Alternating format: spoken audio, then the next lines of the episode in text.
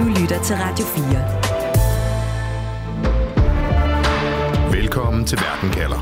I dag med Mads Anneberg.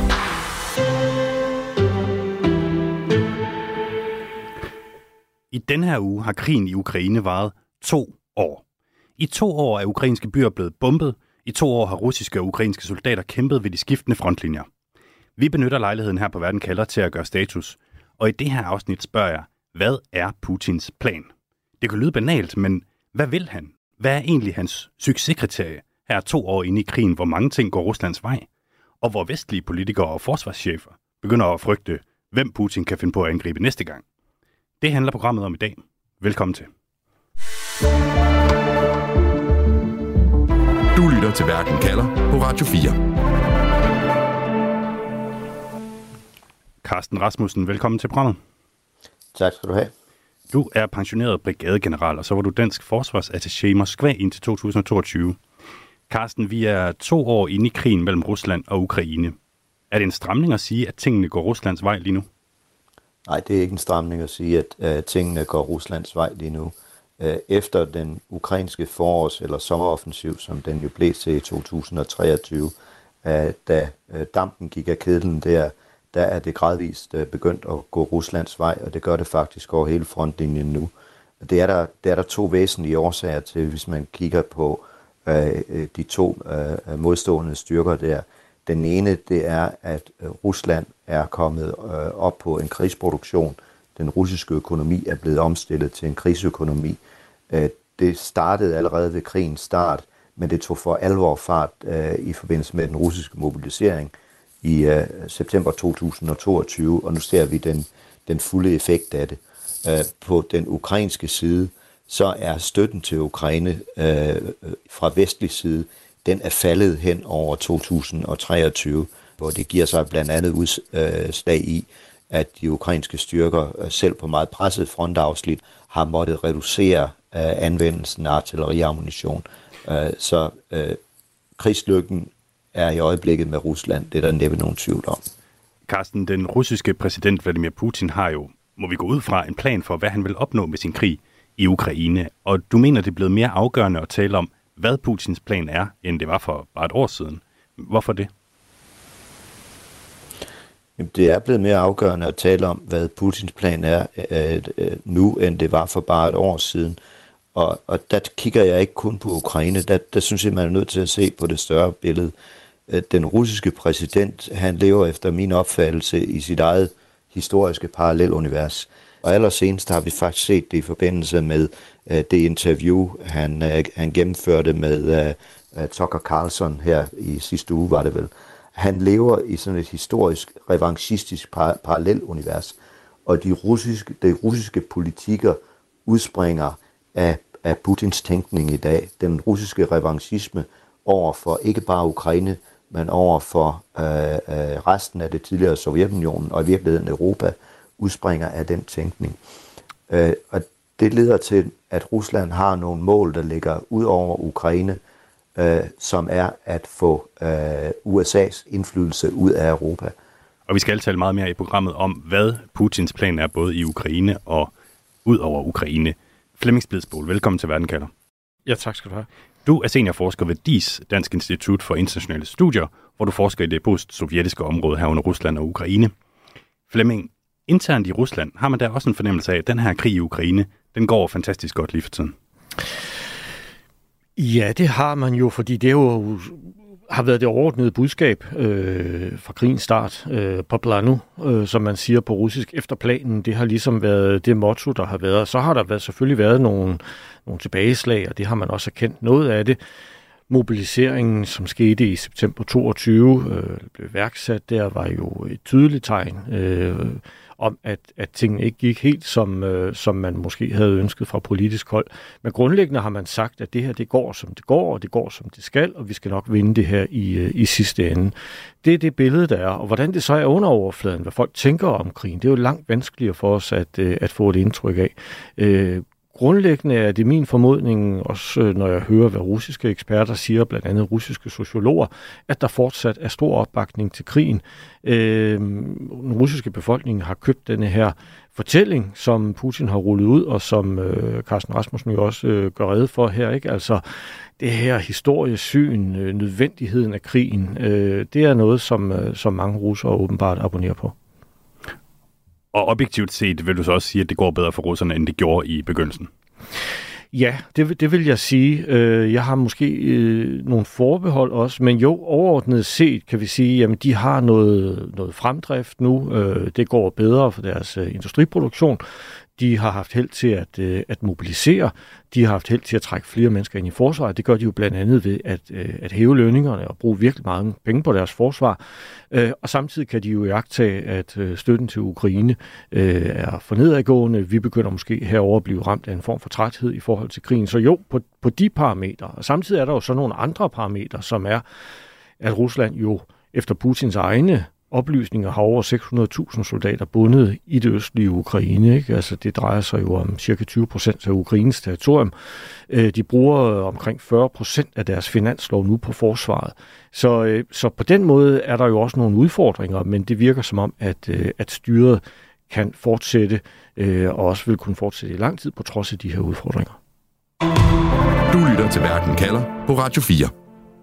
Flemming Splidsbol, altså seniorforsker ved DIS, ud fra det, som vi ved om Putin, og det, som han øh, siger, og det, som han støtter siger, hvad virker så til at være hans succeskriterie i Ukraine her to år ind i krigen?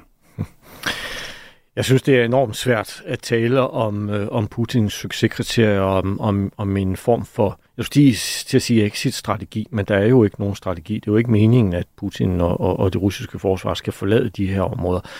Minimum vil jo være at fastholde de annekterede områder.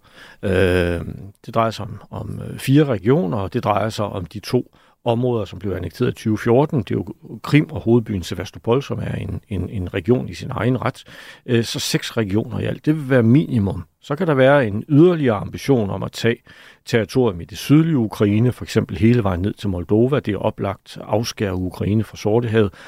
Der kan være noget med at gennemføre politiske forandringer, skubbe til politiske forandringer i Ukraine, og så, hvis det kan ske, kaste blikket på nogle af de andre tidligere sovjetrepublikker, i første omgang nogle af de øh, lande, som ikke er med i NATO, det er Moldova og Georgien for eksempel. Så sådan forskellige niveauer, øh, men det er rigtig vanskeligt at vide, øh, hvad, hans, øh, hvad hans mål er, og, og, og og hvad han reelt tænker, og, og hvordan han bliver oplyst om det. Og jeg er også bekymret for, øh, for hans tænkning på samme måde, som, som Carsten Rasmus også giver udtryk for. Ikke? Altså, han lever i sin egen verden. Bare lige helt kort, altså hvis vi holder os i Ukraine, så tror du ikke, at hans ambition er at besætte hele landet? Jeg tror ikke, at ambitionen er at besætte hele landet. Det vil være en, en kæmpe udfordring. Øh, jeg kan jo ikke afvise det, men, men det at, at erobre hele Ukraine og skulle besætte hele Ukraine igennem mange år måske vil være en enorm stor udfordring øh, og opgave for det russiske forsvar. Carsten Rasmussen, altså tidligere forsvarsattaché i Moskva. Hvad er i dine øjne Putins succeskriterie i Ukraine?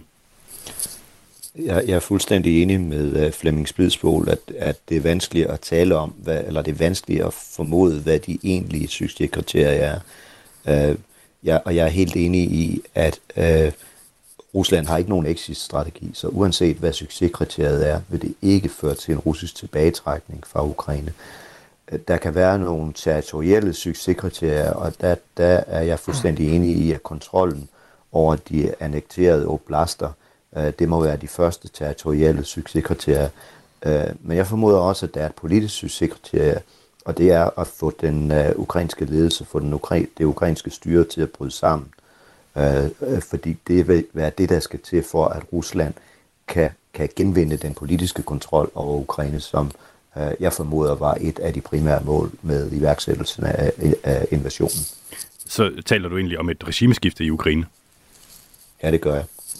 Flemming Splidsbol, hvis vi antager, at Putin gerne vil altså, installere et pro-russisk regime i Ukraine, virker det som en logisk ting for ham at gå efter, synes du? Ja, det synes jeg faktisk, det gør. Øh, dels fordi øh, vi ved, at de tidligere har haft ambitionen, og tidligere har der jo været præsidenter i, i, i Ukraine, ikke? Øh, Viktor Yanukovych for eksempel, som, øh, som var meget tæt på Rusland, og som jo i dag opholder sig i Rusland. så, så, så det i sig selv giver mig anledning til at tro det. Men, men noget andet er jo også, at, at Rusland har kastet sig ud, og bef- ud i og befinder sig i en krig, som er vanskelig. Øhm, og der kan vi jo se også i den russiske debat en, en diskussion af, hvordan delen håndterer vi de her annekterede områder, befriede områder, som russerne siger. Ikke? Altså de annekterede regioner, de vil jo altid være op imod en frontlinje. Der vil altid være en modstand. Og der er jo nogle folk i Rusland, der taler om, jamen så er vi bare nødt til at tage mere territorium, så er vi nødt til at tage mere territorium, og på den måde ligesom fjerne vores områder fra resten af Ukraine. Men en løsning, en mulig løsning på det, vil jo være at få et pro-russisk styre, som siger, prøv at I kan bare få lov at beholde de områder, som I har taget. Vi vil ikke med i NATO. Vi opgiver vores EU-ambitioner, hvad det nu skulle være. Og så kunne man, kunne man faktisk af den, af den lette vej opnået af det, som, øh, som man ellers skulle via for eksempel øh, militære virkemidler, ikke? Og, og være engageret igennem mange, mange år. Men vil det være nemt at øh, ligesom få ukrainerne med på den idé om, at øh, nu giver vi jer lige et pro-russisk styre? Nej, det vil være enormt vanskeligt. Det var det allerede før 22, og i dag ser jeg det som ekstremt vanskeligt. Øh, altså det, vi hører fra alle ukrainere, det er jo, at der nu kommer en, en generation af ukrainere, som er så meget modstillet Rusland, så det er helt vildt. Altså det er helt inde i det kollektive DNA nu, på grund af krigen og på grund af krigens karakter, den voldsomhed, der er, øh, at, at det er helt utænkeligt. Øh, og om Putin så alligevel tror det, og hans efterretningstjeneste på, igen vil sige, prøv at høre, at de synes, du er alle tiders. Øh, de synes, at, at, at, at det du står for, og det vi repræsenterer, det er det bedste. Det er muligt, øh, men, men det var vanskeligt før krigen start. Det er der ikke nogen som helst tvivl om, og jeg føler mig 100% overbevist om, at det er endnu vanskeligere nu så skal man på en eller anden måde skille mellem, hvad der objektivt set virker muligt for Rusland, og hvad Putin tænker er muligt for Rusland. Ja, det tror jeg, vi skal, og der skal vi jo være opmærksom på, hvad Putin tror kan lade sig gøre. Det er det, vi skal forberede os på. Og, og, og derfor kan vi jo godt sidde og tænke, det virker urealistisk at, at rykke russiske tropper ind i Estland, Letland eller Litauen, eller for den sags skyld køre hen over grænsen til Finland. Men hvis Putin tror, at han kan slippe afsted med det, at der ikke vil være modstand, at hans forsvar faktisk er en sådan karakter, at det kan gennemføre de her ting, så er vi nødt til at forberede os på det. Du lytter til Radio 4. I dagens program, der spørger jeg, hvad er Putins plan? Det er jo et ret simpelt spørgsmål, men på en måde noget af det allermest afgørende, vi kan spørge os selv om nu, to år inde i krigen mellem Rusland og Ukraine, hvor at krigstrætheden virker til at melde sig i både Ukraine og i Vesten, men hvor Rusland fortsætter rimelig ufortrødent. Og den seneste tid, der har der været meget debat om, hvad Putin kunne finde på efter Ukraine. Efterretningstjenester, politikere og forsvarschefer på tværs af Europa har advaret om, at Rusland forbereder sig på en militær konfrontation med Vesten. Og i Polen sagde chefen for det nationale sikkerhedsagentur sågar, at Vesten har tre år til at forberede sig på en krig mod Rusland. Carsten Rasmussen, du var altså indtil 2022 dansk forsvarsattaché i Moskva. Tror du, at Rusland direkte vil udfordre eller angribe et vestligt NATO-land inden for, lad os bare sige, de næste fem år? Tidsaspektet, om det er tre år, eller to år, eller fem år, det har jeg virkelig vanskeligt ved at øh, forholde mig til. Men jeg er faktisk ret overbevist om, at vi på et eller andet tidspunkt inden for de kommende år vil se Rusland udfordre vestens sammenhold uh, ved at foretage sig et eller andet uh, relativt drastisk, men måske under en tærskel, uh, hvor det helt indlysende vil, vil udløse en, en fuldstændig uh, krig mellem NATO og Rusland. Hvad kunne det være, for eksempel Carsten Rasmussen, som Rusland kunne finde på at gøre? Det kunne være, uh, det, det kunne være små grønne mænd i, uh, i Letland, Øh, altså en, en slags russisk sindet milits? En slags russisk sindet milits, øh, som sendes ind i, øh, i Letland øh, for at øh, beskytte det russisk talende mindretal der. Øh, den russiske retorik i forhold til de tre baltiske lande er jo skruet gevaldigt op øh, her i 2024. Flemming Splidsbol, vi taler her om muligheden for, at Rusland direkte vil udfordre eller angribe et vestligt NATO-land i løbet af de kommende år. Hvad tror du? Ja, jeg tror, vi skal forberede os på det på samme måde. Jeg synes, det virker øh, umiddelbart helt vildt, øh, når vi bliver præsenteret for det, og når vi betænker jo, at, øh, at øh, Ukraine er, er, øh, er hårdt trængt op, eller undskyld, Rusland er hårdt trængt op selvfølgelig i Ukraine, ikke? som jeg sagde tidligere, med over 600.000 soldater. Vi ved, at de er presset økonomisk, og de har været presset militært, de er presset også på, på mandskab men samtidig skal vi forberede os på det. Øh, og, øh, og der er jeg meget enig også med, med Carsten Rasmussen. Der er ikke nødvendigvis en sammenhæng. Det kan jo, altså en, en, mulig, en mulig russisk operation, eller flere operationer, kan jo have forskellige baggrunde. En af dem kan være at forsøge at tage presset fra det, der foregår i Ukraine. Altså svække NATO, prøve at svække vores sammenhængskraft, således at vi ikke samlet på, som, på den måde, vi har gjort indtil nu, støtter Ukraine. Der kan også være noget rent ideologisk i det for Putin. Igen, det er usikkert for os, hvor han faktisk er sådan rent mentalt og i sit politiske billede, i sin, i sin politiske verden, men at han faktisk føler, at det her det er uretfærdigt, det der sker. Det er vores tidligere territorier. Vi er nødt til at tage dem tilbage. De opfører sig uansvarligt og respektløst, og hvad det nu skulle være. Øh, så jeg kan sagtens se nogle, øh, nogle forskellige motiver for det her, som alle sammen fører i den samme retning, eller peger i den samme retning, som er, ja, vi skal forberede os på det her. For mig virker det, som jeg siger igen, helt vildt, for det er ikke sådan, jeg tænker, at Rusland lige har ressourcerne til at kaste sig i en konflikt med NATO, men måske med nogle forskellige instrumenter, som, som er under baren for, hvornår vi ligesom vil agere samlet, og vi i hvert fald vil svært ved at finde et, et, et, et stort samlet svar, så vil de alligevel kunne rumstere, øh, og de vil kunne udfordre den sammenhængskraft, der er i NATO. Da vi talte sammen inden programmet her, Flemming Spidsbol, så var du inde på, at selvom du jo dybest set ikke rigtig tror på, at Rusland vil angribe øh, Vesten, eller du i hvert fald tænker, at det lyder ret vildt, så er du blevet meget ydmyg omkring at spå om det. Øh, og jeg tror, du formulerede det sådan, at et sted i Putins hjerne kan der godt være noget, der siger, at folk i Estland bliver glade for at se os, hvis vi rykker ind der. Altså det er simpelthen den faktor, man skal have med her, at Putin kan have sin egen logik. Putin kan have sin egen logik, systemet kan have sin egen øh, logik. Øh, og, og, og der kan være noget, som, som vi har svært ved at, at forstå og sætte os ind i. Altså noget, som vi jo, altså det vidste vi jo. Jeg skrev selv en kronik tilbage i 14, tror jeg det var, hvor jeg, som hed At leve sammen med Rusland øh, som, som, hvor jeg sagde, prøv at vi skal, vi skal vende os til at, at forberede os på, at vi vil, vi vil bo dør om dør med et aggressivt øh, Rusland og øh, igennem mange år. Det skal vi forholde os til. Men alligevel er der jo noget, der er blevet overraskende, øh, som har været overraskende for mange af os, det er alligevel at, at se den politiske beslutningsproces og se, hvor indad det er, og se, hvor, hvor langt væk det er fra vores tænkning. Når vi ser Putin i det her interview med den amerikanske tv-vært Tucker Carlson, ikke? Og, han, og han sidder og taler om begivenheder, som fandt sted i 800-tallet, som forsvar for Ruslands invasion af Ukraine, så går det jo op for os, at han er et helt andet sted. Og der er jo folk også herhjemme i, i den danske debat, som har sagt på, at I skal bare prøve at høre, hvad Putin siger. Han er jo helt fornuftig at høre på, men, men det illustrerer jo, at han er i en helt anden verden. Han er i en helt anden tidsalder i den måde, han, han tænker politik på. Carsten Rasmussen, nu taler vi om det her øh, interview med, mellem Putin og den amerikanske tv-vært Tucker Carlson. Derfor har han jo også sagt, at han har ingen interesse i at angribe for eksempel Polen eller Letland. Hvad tænker du om det? Jamen, han sagde jo noget lignende øh, mindre end en uge før han angreb Ukraine, så det tillægger jeg ikke ret meget en værdi, det må jeg længere om. Hvad tænker du, han skulle få ud af at søge en militær konfrontation med Vesten? Jamen, der, der, øh, der tror jeg, der er vi nødt til at gå ind i Putins univers øh, for at se øh, logikken i det, han gør. Øh, hvis, hvis Putin ønsker at opnå en ny orden i Europa, hvis Putin igen ønsker at bringe Rusland i en situation, hvor man kan kontrollere sit såkaldte øh, nære udland, så er man nødt til at, at udfordre den eksisterende orden.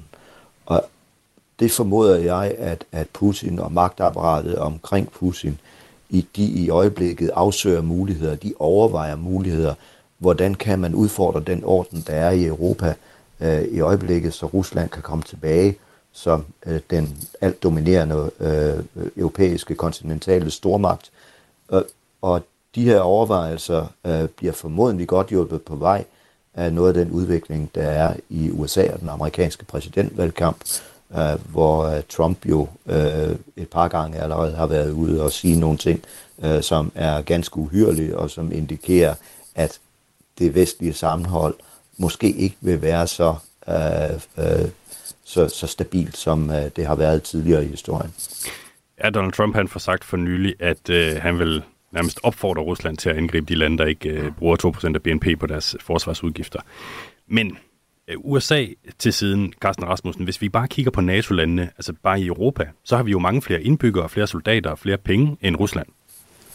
det er fuldstændig rigtigt. Vi har et umådeligt stort potentiale sammenlignet med Rusland, øh, både befolkningsmæssigt, øh, økonomisk, øh, industrielt. Øh, men i øjeblikket omsætter vi jo det ikke det potentiale til noget, vi kan bruge i en konfrontation med Rusland. Den russiske industri er gået på krigsfod. Det er den vestlige industri altså ikke nu. Øh, det russiske militær vokser med, med, med relativt stor hast. Der bliver indkaldt stadig flere øh, soldater til det russiske militær. Vi ser jo ikke en tilsvarende oprustning i vest, eller vi ser ikke en tilsvarende krigsforberedelse i vest. Det, det er virkeligheden det, det drejer sig om. Er vores samfund klar til at håndtere en, en konfrontation? Kan vores industriproduktion klare det? Har vores civile samfund den fornødne resiliens øh, til en konflikt? Og sidst men ikke mindst selvfølgelig, har vores militære styrker øh, øh, kræfterne og udholdenheden til at, at øh, møde de russiske styrker i en generel krig. Flemming Splidsbol, øh, vi talte om inden udsendelsen, at det bedste nærmest ville være at have sådan en form for tavle, hvor vi kunne skrive alle de forskellige kategorier af, hvad Putins mål egentlig er. Men i og med, at det er radio, så prøver vi at gøre det med, med ord her. Du, du mener, der er den her ene kategori, som du anser som usandsynlig, altså at Putin skulle angribe et NATO-land. Men så er der en anden kategori, som er ret sandsynlig. Øh, hvad indebærer den? Ja, lad, lad mig lige tage fat i det første, fordi det er, jo, det er jo sådan set ikke det, jeg har sagt. Det, jeg har sagt, det er, at jeg, vil, jeg synes, det er helt vildt. Og jeg har svært ved at se det, men jeg siger også, at vi skal forberede os på det. Øh, og, og deri ligger jo, at uagtet at Rusland jo på mange måder har omstillet sig, og de, deres industri er omstillet, deres, og de mobiliserer, og de trækker soldater ind, og de gør en masse ting. Altså det russiske samfund er jo, er jo meget forandret i de seneste par år. Så virker det som en stor opgave at kaste sig i en kamp med NATO. Men jeg siger, at vi skal forberede os på det. Øh, men når jeg taler om de forskellige kategorier, så er det jo fordi, vi, vi har at gøre med nogle forskellige ligesom lag. Vi startede jo med at tale om Ukraine, og der er Rusland i krig og har været det i to år, og har måske nogle mere eller mindre veldefinerede mål for, hvordan det skal ende. Ved siden af har vi så andre lande, som er tidligere sovjetrepublikker, som Putin givetvis har øje for, øh, det er Moldova og Georgien for eksempel, som ikke er med i NATO, og hvor russiske tropper allerede er til stede, og hvor Putin godt ville kunne optrappe og eskalere øh, tilstedeværelsen og påvirke på forskellige vis. Det er der ingen tvivl om, at de gør. Der skal være øh, præsidentvalg i Moldova. Russerne er allerede klar, de er allerede i gang med at forsøge at påvirke det valg. Og så har vi for eksempel tidligere sovjetrepublikker som Estland, Letland og Litauen, som er med i NATO, det giver dem en garanti. Spørgsmålet er i sidste ende, hvad den garanti er værd, hvis ikke vi er klar til at, øh, at træde til og ligesom håndtere den her udfordring. Så, så det er det, jeg mener med, med nogle forskellige lag i det her. Og, og når vi taler om, hvad er det, Putin vil, og hvordan er det, vi skal håndtere det, så har vi jo også på en måde flyttet os i forhold til de her lag. Ikke? Altså, vi har jo brugt meget tid på at tale om, om Ukraine, og hvordan kan vi støtte Ukraine, og hvordan kan vi hjælpe dem på fod igen osv. Og nu inden for de seneste uger og måneder er vores diskussion jo i højere grad kommet til at handle om, hvad delen stiller vi selv op?